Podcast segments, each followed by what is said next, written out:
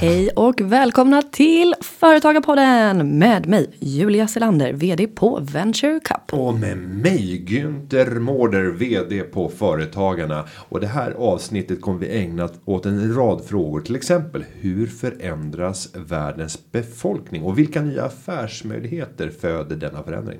Och kommer vi att få uppleva en ekonomisk krasch de närmaste tre åren? Och vilket är det ekonomiska misstag som flest företagare begår? Mm, och på tal om misstag, vad talar för att vi ska vara pessimistiska och vad talar för motsatsen?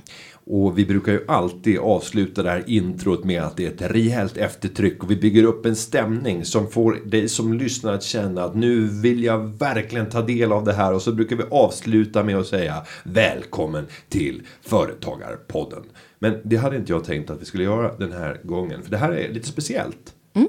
Varför då? Jo, därför att vi gör väl så här att vi tar väl in en expert.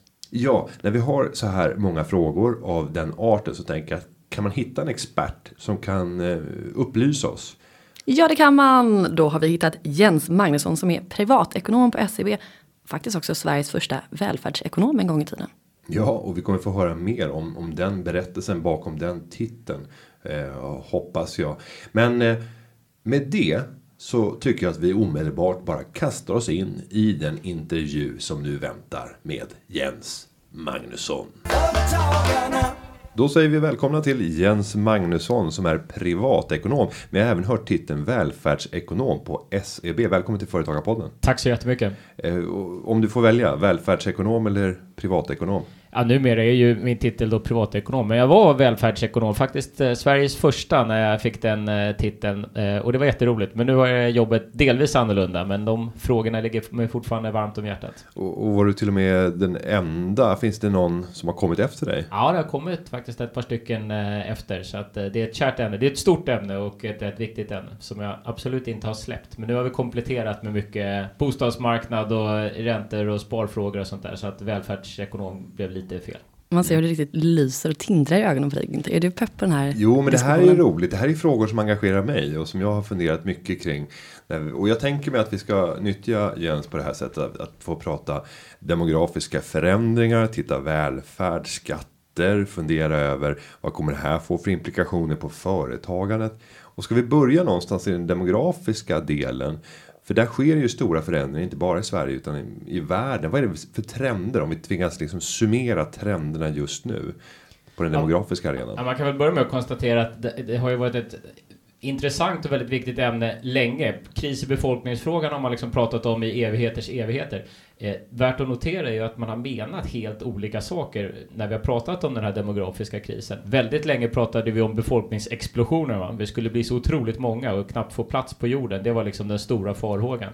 Eh, och nu är det ingen som riktigt tror det längre. Vi blir visserligen fler och fler fortfarande och det kan ha sina eh, implikationer. Men den stora demografiska trenden nu och utmaningen, det är ju inte den växande befolkningen utan den åldrande befolkningen. Det vill säga att många fler blir mycket äldre och i relation till dem så blir det då färre som jobbar och betalar skatter och sådana.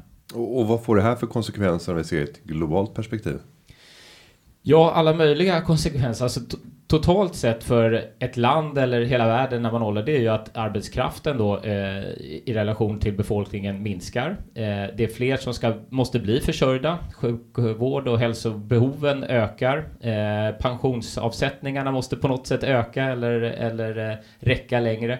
Eh, så att det har ganska stora effekter och även liksom lägre tillväxt förstås om det är färre som jobbar. Eh, enskilda länder kan få försämrad handelsbalans för det man inte kan göra internt i landet längre för att man har så gammal befolkning. Det måste man importera från andra länder och sådär. Så att eh, det, har, det har stora konsekvenser och, och he, totalt sett så är de här demografiska effekterna ju ofta underskattade när man gör ekonomiska prognoser. Munter start på mm, intervjun, eller Men vem ska betala för det här då? Ja, vem ska betala? Nej, men, eh, Vi vill ha ett svar nu. Exakt. eh, nej, men all, alla kommer ju förstås få, få betala. Vissa saker kommer man behöva lösa med, med skatter. Eh, det finns jättemånga som vill ha sänkta skatter, men ur det här perspektivet i alla fall så är det snarare frågan om går det att skruva upp skatterna någonting och i så fall vilka? Det kan vi komma tillbaks till min ganska bestämda uppfattning är ju att man kommer inte kunna lösa hela den här eh, frågan framöver med höjda skatter heller, utan det kommer kräva andra saker. Inte minst företagare, arbetsgivare kommer behöva ta ännu bättre hand om sina anställda, men en stor del av ansvaret kommer också hamna på oss privatpersoner, alltså vi, vi enskilda. Vi kommer behöva vänja oss vid att varenda eh, löneökning framöver kan inte gå till eh, mobiltelefoner eller konsumtion eller Thailandsresor eller vad det är någonting. Utan man kommer behöva lägga en del pengar på sånt som tidigare var skattefinansierat. Jag tycker jag hör hashtag sparad krona här.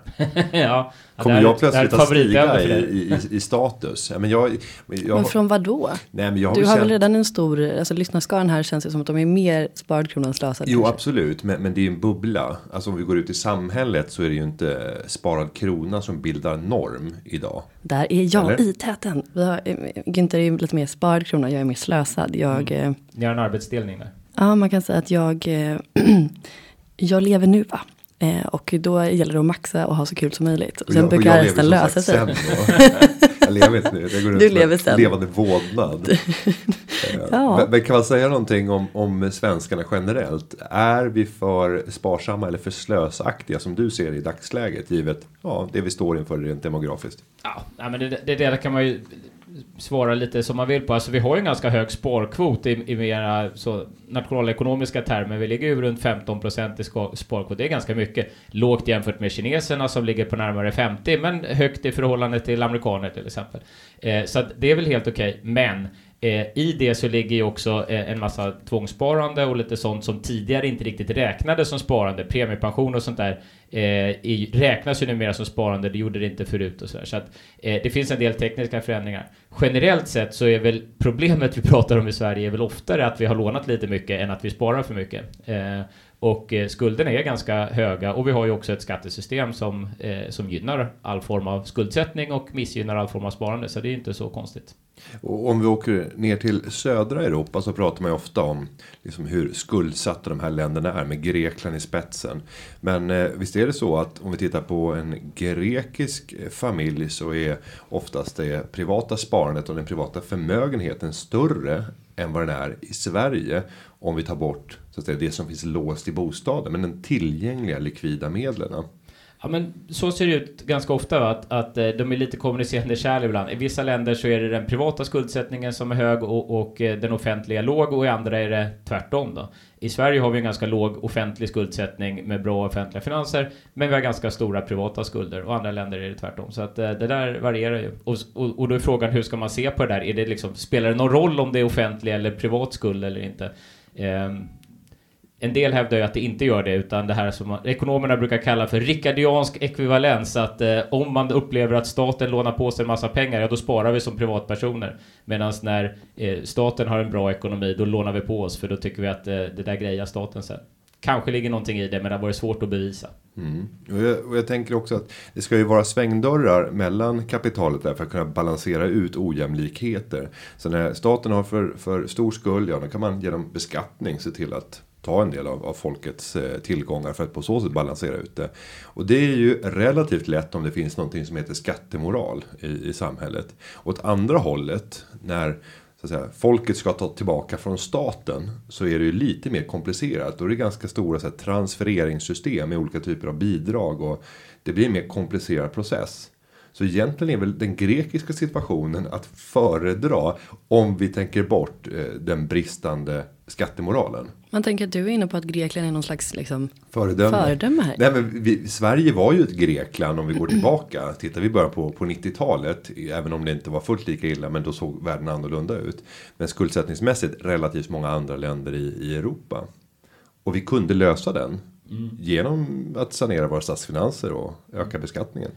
Jag skulle nog nästan inte någonstans vilja hålla med om att Grekland är att föredra eh, rent sådär ekonomiskt eller statsfinansiellt. Värdemässigt kanske? Ja, men ett, ett, ett grundläggande problem och en anledning till att ändå många greker försöker skaffa sig ett, ett sparande och i vissa fall också har lyckats det är ju för att man helt enkelt inte tror och litar på att staten kommer lösa det här, vilket de nog misstror på goda grunder. Va? Att eh, inte minst pensionssystemet. I Grekland hade man, ju, nu är det ju lite annorlunda då, men fram tills för en eh, fem, åtta år sedan så hade man ju fortfarande pensionssystem som på pappret var oerhört generösa och gav ersättningsnivåer på i många fall en, en bit över 100% av den tidigare inkomsten och så här. Men eh, för alla som tittade på det där utifrån så var det uppenbart att den, de där löftena kommer man liksom aldrig kunna hålla och någonstans så har ju eh, grekerna förstås själva också insett det och så försöker man kompensera för det med, med eget sparande. Men det är ingen bra samhällsmodell tror jag. Jag tror vi ska vara försiktiga med att se det som ett föredöme. Mm, vi, vi gör det så länge, men, men, men värdemässigt så hämtar jag gärna inspiration därifrån. Bra summerat. Men jag tänker att vi pratade här innan om att någon behöver företräda den unga generationen. Nu är det en sån extremt stor åldersskillnad mellan dig och mig Günther. Absolut. Men jag tar den. Ja. Eh, och nu är inte alla som jag, men jag tänker själv att, att anledningen till att jag inte är supernoggrann med att spara än. Obs, jag raljerar ganska mycket på den så att så farligt är det inte. Ni behöver inte oroa er.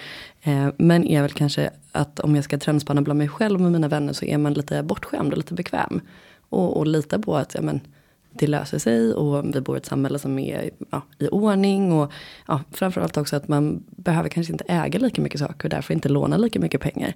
Utan jag äger ingen bil, jag äger ingen bostad utan jag liksom använder det som ja, ganska små utgifter. Vad, vad tänker du med liksom trendspaning kring hur, eh, för du har varit på SEB nu i 12 år? Ja, jo, det börjar bli länge. Ja. Mm. Hur, ser du någon skillnad på när du började och nu på, i samhället på hur man tänker kring sparande och så? Nej, men alltså, vad man kan säga är att det vi såg nu, det vi ser nu, det är väl det vi såg då, bara att allting har kommit närmare. Mm. Alltså man har pratat om den här, då, var, då stod vi i början och såg vi att 40-talisterna skulle lämna arbetsmarknaden. Nu är vi där, så att säga. Nu, nu har de lämnat. Eh, sen det vi också visste, men som inte kanske alla var med på då, det var ju att den stora utgiftsutmaningen, inte minst för kommuner och landsting och så här, den kommer ju inte när eh, 40-talisterna går i pension utan när man så småningom börjar få vårdbehov. Och det händer snarare någonstans 2020-2025 när mm. man passerar 80-strecket. Mm. Eh, men för att bara vara tydlig, jag tror också att det kommer ordna sig.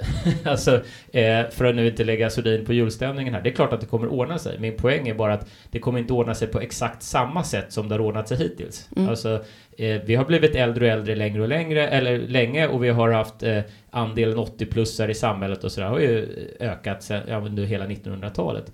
Men sen 60-talet eh, så har vi liksom eh, dubblerat skatteuttaget till exempel på kommun och landstingsskatt eh, från 15 till eh, 32 procent i genomsnitt och, eh, och man har låtit eh, offentliganställdas löner till exempel släppa efter med någon tiondel per år länge eh, och på det sättet så har man gjort de tjänsterna lite billigare relativt ekonomin i övrigt.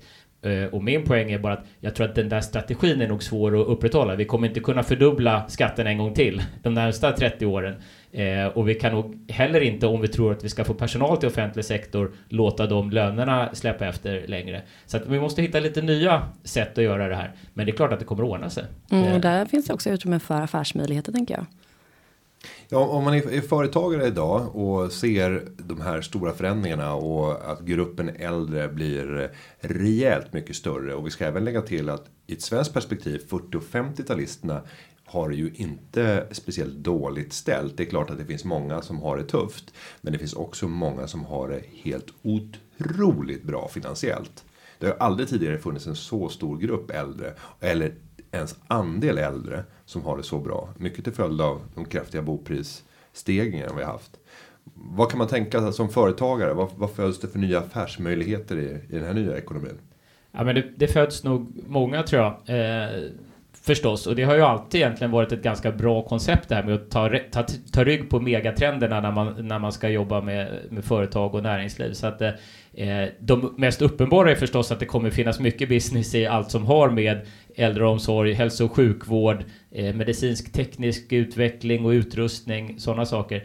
Men jag tror att man kan egentligen tänka mycket bredare än så också, alltså när det gäller smarta transportlösningar, sådana enkla saker som, eller enkla saker ska jag inte säga, men vardagliga saker som du vet, rulltrappor, hissar, sådana saker. För vi har en urbanisering, vi bygger på höjden i städerna, Eh, folk blir äldre, eh, men vi blir också fler eh, och vi blir eh, lite fetare, vi blir lite eh, får välfärdssjukdomarna som kommer av det.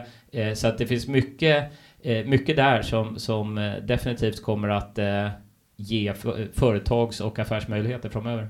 Om man tittar då på, vi pratade lite grann om så här, men digitalisering och robotisering. Vad, det finns ju lite snack om skatter för det. Vad tänker du om det? Är det?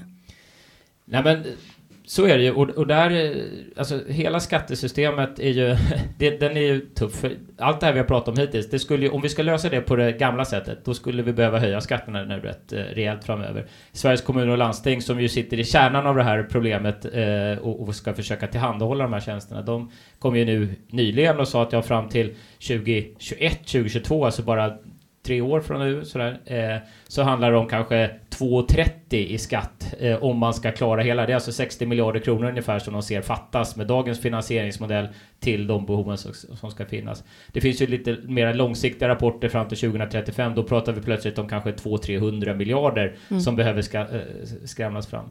Ska man lösa det med skatter, ja då handlar det om kanske 13 kronor eller någonting sånt eh, på kommunalskatten. Eh, man kan absolut diskutera kronor och ören här, men, men där någonstans i den storleksordningen. Och de flesta tror ju inte att det är möjligt. Och inte heller Sveriges kommuner och landsting ska jag skynda mig att säga till deras försvar. Det är inte så att de lämnar ett förslag på att vi skulle vilja höja skatten så här mycket. Utan snarare så vill man ju peka på att eftersom det inte går att höja skatten så mycket så måste vi titta på andra lösningar. Exakt. Och där, där tror jag att man behöver vara med. Men, men står vi, som du eh, ser det, inför en möjlig större skattereform? För det senaste var ju början på 90-talet. Är tiden mogen nu? Tror du att vi kommer att få se en riksdag som eh, går fram? För det här måste ju vara överskridande blocken. Annars så riskerar vi väldigt mycket. Finns förutsättningarna? Ja, Günther, du är ju eh, synnerligen insatt också i de politiska eh, turerna och jag vet inte vad, vad ni säger, men för mig känns det som det är ganska avlägset. Eh, behovet finns ju absolut där. Och jag skulle dessutom tro att frågar man varje parti enskilt så ser de nog också det behovet.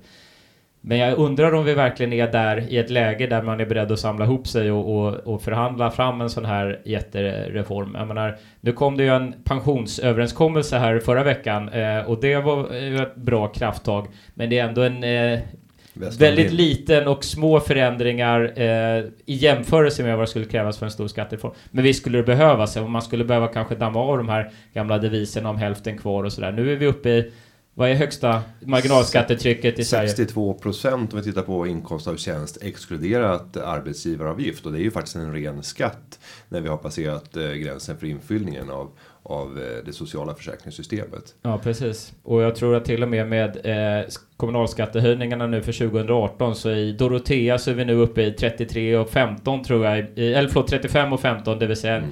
högsta marginalskatt då på 63,15 procent. Mm. Och det är klart att dit ner till de där 50 procenten som det pratades om som högsta marginalskatt, dit är det väldigt långt. Och det här skulle man ju förstås behöva se över. Men just på den frågan är jag ändå lite dyster. Eh, det känns inte som att politikerna är nära en stor skatteöverenskommelse nu. Men om du tittar på balansen mellan beskattningen av tjänst, kapital och näringsverksamhet. Är det en rimlig balans? För det fanns ju en ursprunglig tanke om vi går tillbaka till början av 90-talet att det skulle finnas en symmetri i det här systemet. Sen har vi ju sett hur symmetrin har helt fallerat framförallt till följd av att inkomstskatterna har ökat. Och det föreställer jag mig får lite effekter på den vanliga tjänstearbetande personen. Ja men så är det ju förstås och, och, det har ju förändrats väldigt mycket och så försöker man då kämpa med och jag menar ni följer ju säkert väldigt nära alla diskussioner om 3.12-regler och just den här den diskussionen som uppstår i den här stora diskrepansen mellan eh, beskattning av kapital och beskattning av arbete. Eh, och det där det är svårt och man har gjort stora eh, avsteg och det blir lite grann ett lapptäcke. Vilket man hittills eh, då de senaste 20 åren löser med fler lapptäcken och, och eh, att man, man eh, fixar lite här och täpper igen något hål där och sådär. Men det som skulle behövas är förstås en större reform. Och man kan väl säga att eh, min, min prognos är ju att vi kommer gå in i tuffare tider och att det kommer vara ganska skoningslöst på den finansiella marknaden någon gång inom tre år. Och då har man ganska bred marginal för då skulle vi, vi har aldrig upplevt en så lång uppgång om vi tittar rent aktiemarknadsmässigt. Det är också en ganska ehm, trygg spaning. För ja, din skull, att när det väl händer så kan du säga vad var det jag sa? Jo, jo och sen så har man tidsramen tre år så man har verkligen lång tid på menar. sig. Mm. Eh, men där känner jag mig hyggligt säker. Skulle du dela min bild att inom tre år så kommer vi få vara med om ytterligare en rejäl finanskris? Eh, nej. Nej? nej, det gör jag inte. Eh, nej, jag, Tillkännage tror... din syn. Ja, precis. Nej, men eh, jag menar, som du säger, vi kan ju sitta och spekulera mycket som helst. Sanningen är ju att, att det vet ju förstås ingen. Eh, men nej, jag, inom tre år tror jag inte. Då är, eh, Janet Yellen pratar ju om att under hennes livstid så kommer vi inte få se någon mer stor global finanskris. Right. Eh, och eh, inte vet jag om hon har rätt, men jag tror att tre, i tre år kan hon nog eh, ha rätt. Sen, jag vet inte, det kanske finns definitionsfrågor där, så att eh, om tre år kommer vi båda kunna hävda att vi har rätt. Men Eh, men nej, det tror jag inte. Eh, det är så pass stor skillnad eh, på nu och för tio år sedan, så att, det tror jag inte. Men, om jag skulle men det är för att jag är så sjukt optimistisk. Du, ja, och... du är ju lite mer... Jag är på ditt team, Ja, men om jag skulle definiera annorlunda och säga ett eh, generellt, om vi pratar Stockholmsbörsen, ett ras på 40 procent. Då har vi ändå definierat att nu är det en riktig smäll. Men du tror inte att en, en sån krasch kommer att ha inletts inom tre år? Det har jag ingen aning om. Eh, jag är ingen, Inte jag, jag är ingen, ingen börs och aktiemänniska på det sättet. Eh, men däremot så kan jag tycka att det är inte samma sak som en finanskris. Mm. Jag menar mera en, en finansiell systemkris liknande den vi hade 2008. Eh, det kanske kan vara så att en, en börs kan gå ner så mycket på grund av försämrad konjunktur eller sämre vinster eller någonting annat. Vad vet jag? Mm. Men den, den, den, den profetian utmanar jag inte. Men om vi går till svenska folkets bolån och lånestock generellt. Eh, så innebär ju varje procentenhet i ökning på, på räntan 35 miljarder ytterligare kronor som ska ut ur hushållens plånböcker in till räntebetalningar. Och nu ligger vi på en reporänta på minus 0,5.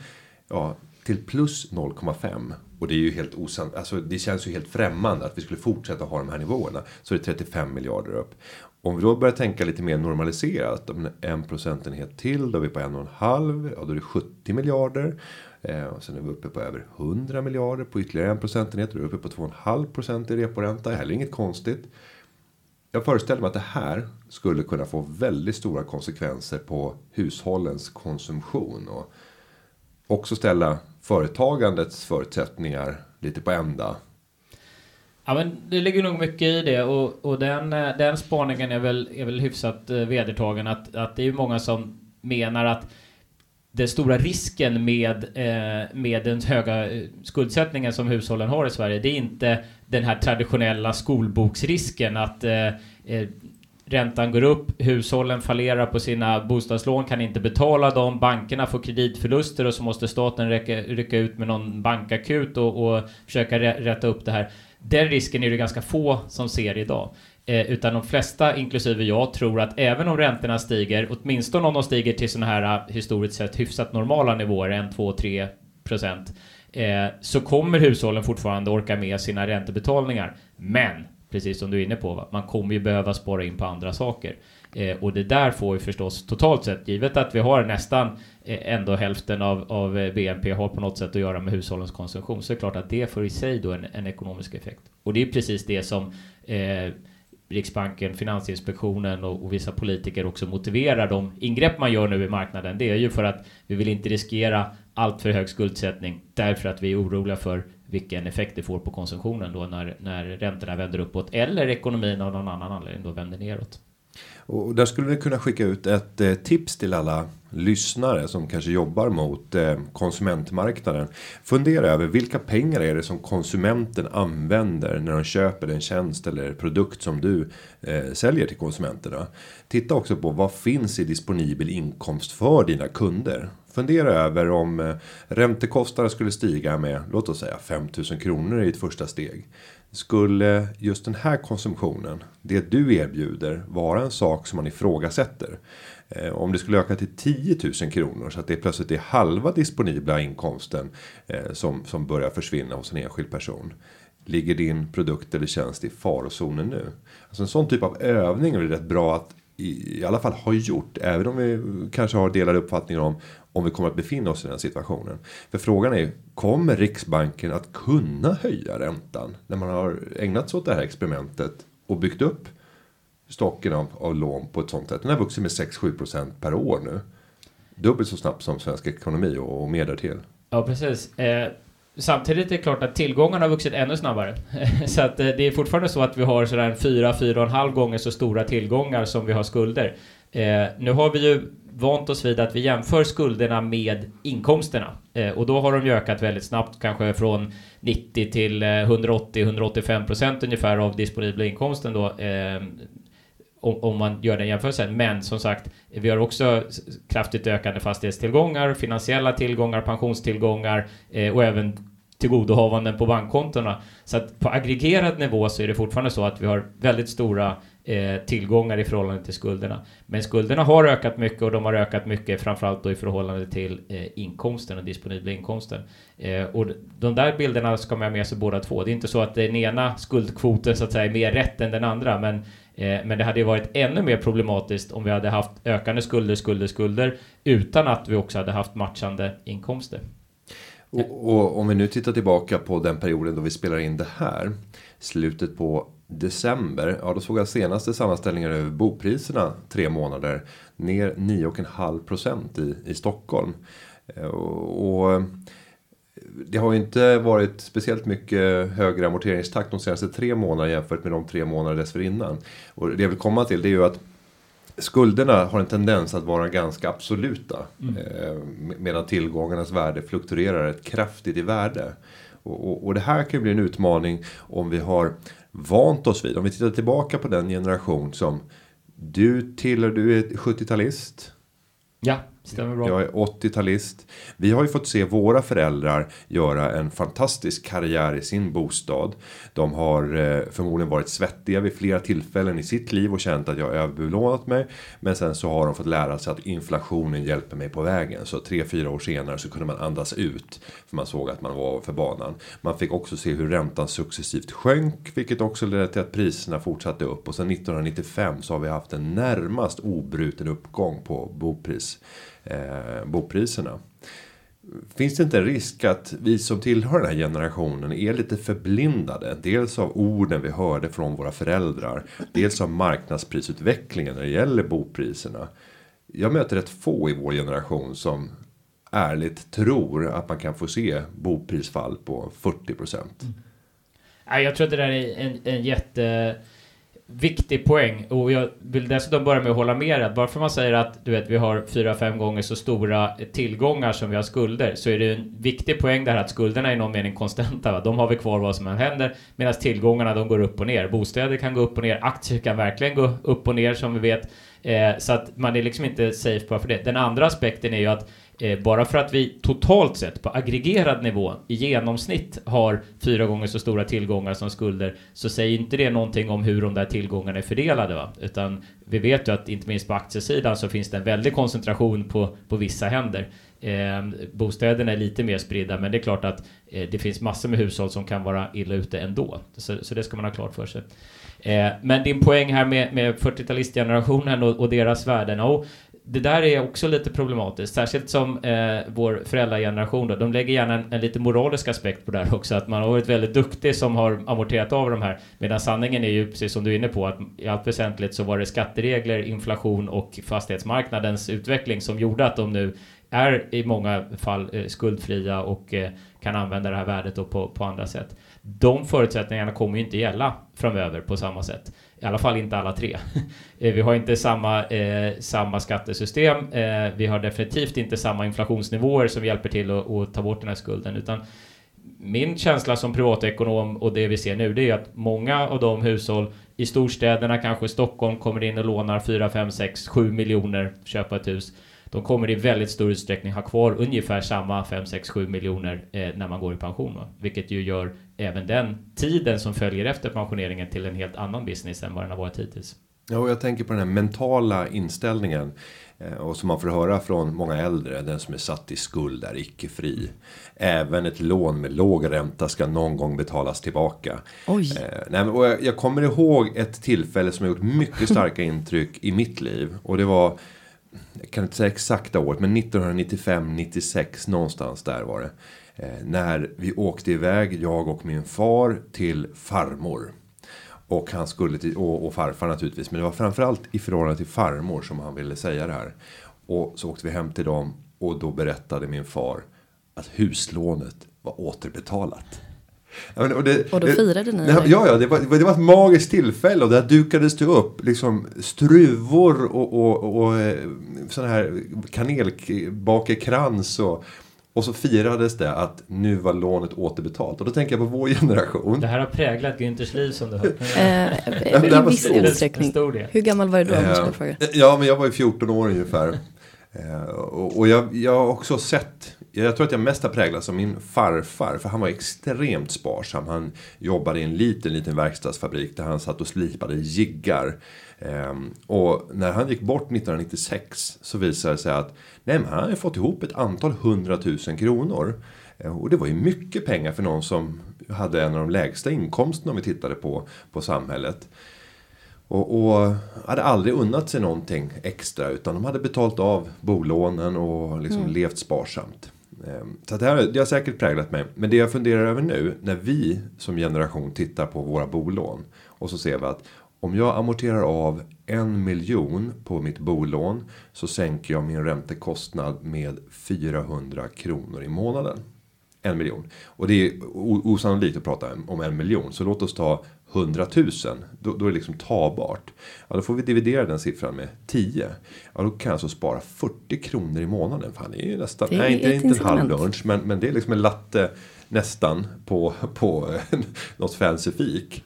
Nästan en, en latte kan jag få i månaden om jag amorterar 100 000 till på mitt lån. Nu har jag bra räntevillkor som många kanske ligger uppåt det dubbla. Men ändå, det är ju helt bisarrt. Det är klart att vi inte ska prioritera och amortera. Vi tänker ju att en miljon till i lån, vad spelar det för roll? Vi ser den här mentala skillnaden mellan generationerna på banken. Ja, precis. Jag vet inte ens om det är en mental skillnad, eh, utan det är ju en, en högst reell, mm. liksom, logisk skillnad. och jag menar, anledningen till, tror jag, att hela den här uh, utvecklingen med högre skulder eh, och, och, dyrare priser på bostäderna har kunnat fortgå, det är ju just att vad är det som märks i plånboken? Ja, det vi har märkt hittills, det är absolut ingenting. Alltså, för tio år sedan så, så kanske vi betalade 7-8% av våra disponibla inkomster på räntor.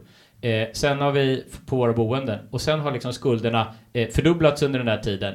Men det vi betalar för dem har sjunkit och nu ligger den runt 3%, 3,5% som vi, av våra disponibla inkomster. Så att vi har lånat mer och mer och mer och för det betalar vi mindre, mindre och mindre. Och det är klart att den där konstigheten, den gör ju att det har liksom inte funnits någon plånboksbroms här va. Och precis som du säger, en annan aspekt av det, det är ju att det, man heller inte ser någon tydlig uppsida med att, eh, att betala av på de här lånen. Och, och då har ju också eh, amorteringskulturen då försämrats. Och då har man ju sett sig tvungen nu, både från myndigheter men kanske framförallt från bankerna själva trots allt, för man var tidigare ute egentligen än vad kraven var att börja kräva det här med, med amorteringar bättre. Jag håller ju med dig och det där är ju beteendeekonomi och psykologi i det där att ska jag liksom ta bort 30% av min disponibla inkomst den här månaden för att minska skulden med du vet 0,001 promille. Nej, det känns inte så, så kul va? Och så väljer vi att konsumera här och nu istället. Eh, men jag menar, här måste jag ju ändå göra mitt jobb som privatekonom och, och på, påpeka att det där är sjukt viktigt. Eh, därför att det ger ändå en större frihet Eh, du minskar dina risker för framtiden och någon dag så kanske du också behöver någonting. Du kanske behöver låna på de där pengarna. Du, du vill inte ligga där uppe, särskilt inte nu när du ser att det börjar bli skakigt på bostadsmarknaden. Va? Det du trodde var en stadig uppgång med 10% om året på ditt boende kanske inte alls är det. Eh, utan det kan till och med vara en nedgång. Man behöver komma ner i belåningsgrad. Eh, sen måste man kanske inte ner till noll då som, som våra föräldrar, eh, men man ska absolut ner från de här höga nivåerna. Så att det där tycker jag är jätteviktigt. Here, here. Men jag tänker, i och med att nu, nu går ju året mot eh, sin ända. Säger man så? Sin, sin, ja, strunt samma. Ja. Året är snart slut. Eh, har du något, för det är många bra tips här som man hör mellan raderna. Eh, har du, vad, vad ska man tänka på under 2018 här som eh, småföretagare? Om man tittar på sin eh, ekonomi. Ja, alltså om man vill ta vid där vi började här, demografiska förändringar och, och fler äldre och, och, tuffare pensionsvillkor och sådär. Mm. Eh, det tycker jag ändå är ett bra eh, ställe att börja. Alltså som företagare så vet vi att de här samhällets välfärdssystem, inklusive pensioner, men också egentligen sjukpenning och, och de andra skyddssystemen, eh, de är ju inte designade för företagare. Det har ni säkert eh, varit inne på förut i, i den här podden. Yep. Alltså de, de är som bäst när man har en hög stadig inkomst under ett jättelångt arbetsliv. Eh, och, och, gärna som anställd någonstans och kompletterad med tjänstepensioner och, och andra eh, kompletterande försäkringar. det har man ju inte som företagare. Och där skulle jag väl ändå vilja säga då, om man ska bli konkret, att orka tänka den tanken. Det är inte det roligaste. Det ligger oftast inte top of mind, eh, särskilt inte om man är entreprenöriell och, och, man vill mycket med sitt företag. Men alltså man behöver täcka upp för till exempel eh, pensionen. Jag hörde i något tidigare avsnitt Günther, du var inte helt inne på att det var topprio. Där är jag beredd att, att säga emot alltså, därför att det är någonting som vi ser ganska många som har haft en lång karriär som företagare, drivit ett helt okej okay företag, men Inkomsterna har varit lite för ojämna, man har glömt att ta ut lön, man har sparat alla pengarna i bolaget och får, har man ingen lön som man har betalat skatt och, och pensionsavgifter på, ja då blir lån, pensionen jättedålig. Mm. Och så har man då kanske glömt det här med tjänstepension och kompensera för det. Så att det är ju ändå tipset ett, att man behöver, man behöver sätta, sätta av pengar till pensionen. Eh, och det behöver man göra ganska tidigt om det ska hinna bli någonting. Eh, och det gäller om du själv är företagare och det gäller för dina anställda. Ska du göra en grej för dina anställda så, så är det inte, du ska, du ska inte börja med att fundera på tjänstebilarna och gymkortet utan du måste börja med att fundera på en tjänstepensionsförsäkring till dem så att de har eh, någon typ av trygghet på äldre dagar. Och sen fattar jag att det här man förstås vill lägga pengarna i bolaget, kunna utveckla det och sådär. Eh, och det är ju jättebra, men Eh, det är inte säkert att det där bolaget är värt så mycket som man tänker sig när man väl vill sälja och gå i pension och tro att man ska kunna casha hem då, utan man måste ha den där eh, tryggheten med sig. Eh, så att med risk då för att låta här som finansbranschens eh, egen flårtant så, så vill jag ändå liksom påpeka att, att det är en, en jätteviktig grej då. Bra tips. Nej, och, och, jag tänker även på en, en annan eh, fråga och det handlar ju om hur man då ska spara i, i pensioner. Och jag skulle vilja slå ett slag för direktpension. Jag vet inte om du är lika optimistisk som jag kring, kring den formen. Där du som företagare, om du äger företaget helt ensamt, faktiskt kan avsätta pengar in i en pensionslösning. Men du kan återta om det plötsligt skulle uppstå ett läge där du kan göra ett intressant förvärv eller göra någon investering som du ser kommer kunna ge en fantastisk avkastning och där pengar kan vara oerhört värdefullt att kunna få fram. Då kan man få eh, både käka kakan och ha russinet kvar. Ser du några problem med just direktpension som form? Ja, alltså det finns för och nackdelar med alla pensionsformer. Jag tycker egentligen att, att eh, även om den här podden är oändlig i sin vishet och man kan lida i princip allt som sägs här så är det kanske ännu bättre tips att gå och diskutera det med, med någon som håller på med pensioner hela dagarna. Eh, det finns fördelar med direktpension, den du säger. Det finns nackdelar med direktpension, den du säger. Det vill säga att, att det, det, här är inte pengar som med nödvändighet faktiskt finns kvar när det är pensionsdags. Eh, som det gör med, med, andra pengar. Därför att i grunden bygger det här på en, en kapitalförsäkring och som, som återköpsbar och sådär. Eh, utan att gå in på detaljerna där så, så, det finns en massa olika sätt att göra det här. Det viktiga är att gå in, diskutera saken. Eh, för min del, vore det mitt företag så skulle jag köpa en mer en, en klassisk eh, pensionsprodukt som faktiskt jag vet finns kvar där. Som inte är återköpsbar, eh, även om jag hittar en, en bra affärsidé längs eh, vägen.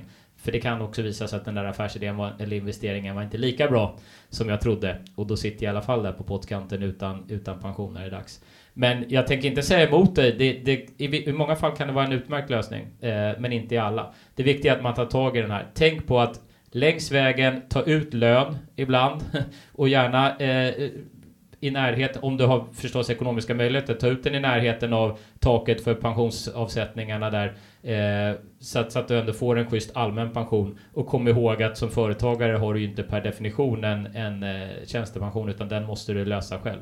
Sen om du utöver de två vill spara ytterligare eller investera i bolaget, ja då tycker jag att man är nere på strategiska beslut. Men eh, lön så att man får en allmän pension och en tjänstepensionskompenserande eh, försäkring. Det, det behöver alla. Günther? Mm. Och om vi ska eh, säga en, en, nivå så brukar jag alltid säga att men strax under 40 000 om du har möjlighet att ta ut det. Nu är det kanske inte jättemånga företagare som har det över tid alla gånger. Mm. Men har man möjlighet att ta ut en lön upp till 40 000 i vart fall. Eh, för då har du fått påfyllnad av hela sociala försäkringssystemet. Du får den eh, maximum i den allmänna pensionen. Och sen kan du ta utdelningen och nyttja de 3.12 regler som vi räddade här från företagarnas sida här i höstas. Så det kommer vara oförändrade regler framöver, eller tills vidare ska jag säga.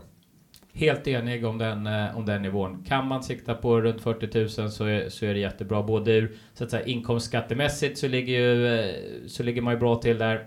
Eh, och inte minst socialförsäkringsmässigt och pensionsmässigt. Så att, helt rätt. Och man kan komma ihåg där att det är faktiskt inte, även om man känner sig oövervinnlig så eh, är det ju inte bara pensionen här utan det är sjukpenning och det är förtidspensioner och annat som också man behöver en, en sån här sjukpenninggrundande inkomst för. Så att mm. kan man ligga där så är det bra. Mm. Med det så eh, börjar det bli dags att knyta ihop den här intervjun. Har du någonting ytterligare som du skulle vilja passa på att säga till dessa lyssnare? Primärt eh, yngre företagare och eh, många som faktiskt inte hittills har startat sitt företag. Ett sista budskap innan vi stänger året och avslutar intervjun. Ja, men alltså, i, i huvudsak att eh, önska ett jättegott nytt år. Eh, på SEB är vi ju extremt involverade i hela den här företagstrappan från ung företagsamhet, de första entreprenörstegen ända upp till eh, Guldklubban och andra sådana här eh, synliggöranden av bra företagarinsatser och det vill jag verkligen understryka. Alltså den rollen som företagare har i Sverige framöver, den har ju aldrig varit viktigare än den är nu. Allt ifrån integration av de som kommer hit, eh, se till att vi får upp sysselsättning, till att faktiskt lösa både med inbetalningar, skatter och sådana saker, till rent handgripligt se till att det finns folk som utför de här viktiga, inte minst välfärdsjobben och allt annat som kommer i deras spår. Eh, superviktig och stor arbetsuppgift, så att ett eh, varmt lycka till och ett eh, gott 2018. Och med det Jens så vill vi tacka dig för att du kom till Företagarpodden. Då Julia ska vi eh, försöka som vi säger binda ihop säcken precis som tomten. Mm. Nu tänker jag att man är kanske lite trött på julen när man lyssnar på det här. Det är man och julen kan ha passerat för majoriteten av våra lyssnare. För att många lyssnar på det i efterhand också. Mm, och då tänker jag så här. Efter jul så kanske man har lite skralt i kassan när man har köpt julklappar och julmat och allt vad det nu kan vara för någonting. Mm. Du brukar ju inte vara sen på spartips. Har du något sånt? Mm, ja, men till att börja med så tycker jag sällan att det är så att man har dåligt med pengar efter jul. För december brukar vara en ganska bra börsmånad. Så det gör att man ofta tjänar väldigt mycket pengar på börsen. Nu, äh, Dryg, drygare. Nej, Lys, kära lyssnare till ljudet av Günthers munterskratt. Ja, det är när, det, när man oh, pratar om oh, mycket pengar. Oh. Tomtens, tomtens hoande bleknar i förhållande till mitt när jag tänker på den normala börsutvecklingen under december månad. Men jag ska komma till spartips. Spartips. Eh, nu är det så att eh, många butiker eh, har eh, alldeles för eh, mycket eh, i sina hyllor som tillhör julen. Därför så kommer det att börja reas ut. Så kan man fokusera på att köpa grejer som hör julen, julen till. Men som går att variera, om ni tänker rent matmässigt till att börja med. Som går att variera på ett annat sätt som inte skapar en julkänsla. Så finns det otroliga pengar att tjäna. Sen så ska ni passa er eh, nu under den närmsta eh, tiden. Vi går ju in i en januari där folk har väldigt lite pengar normalt sett och den fattigaste dagen på året den inträffar 24 januari. Bara en vecka innan jag fyller år. Med allt vad det innebär. Mm. Så att eh, där har ni lite spartips och ni kan ju fundera ut själv vad det innebär när folk har väldigt ont om pengar. Då brukar saker och ting bli ganska billiga. Men vad har du för något konkret tips där som är juligt som kan avjulificeras? Liksom? Nej men ta skinkan, skinkan till exempel. Nej men den, den, kan du ju reda på ett helt annat sätt. Du behöver inte griljera den med senap. Utan du kan göra allehanda pastarätter. Eller liksom allt du kan tänka dig med en pizza. Eh, lägg på skinka. Skinkorna reas ut oftast till eh, fantastiska priser här efteråt. Så att eh, ja, do it. Som vegetarian vill jag slå ett slag för brysselkålen i julbordssammanhang. Också brysselkålen givetvis. Kan man också ha på pasta och pizza vet du. Ja. Mm. Och med det Julia så äh, säger vi äh, God jul till alla lyssnare och vi säger att den här podcasten har ju förberetts av Karin Nygård och den har klippts av Gustav Dalesjö. God jul! God jul! Vi hörs nästa vecka. Vi kommer även då. Hej då! Hej då!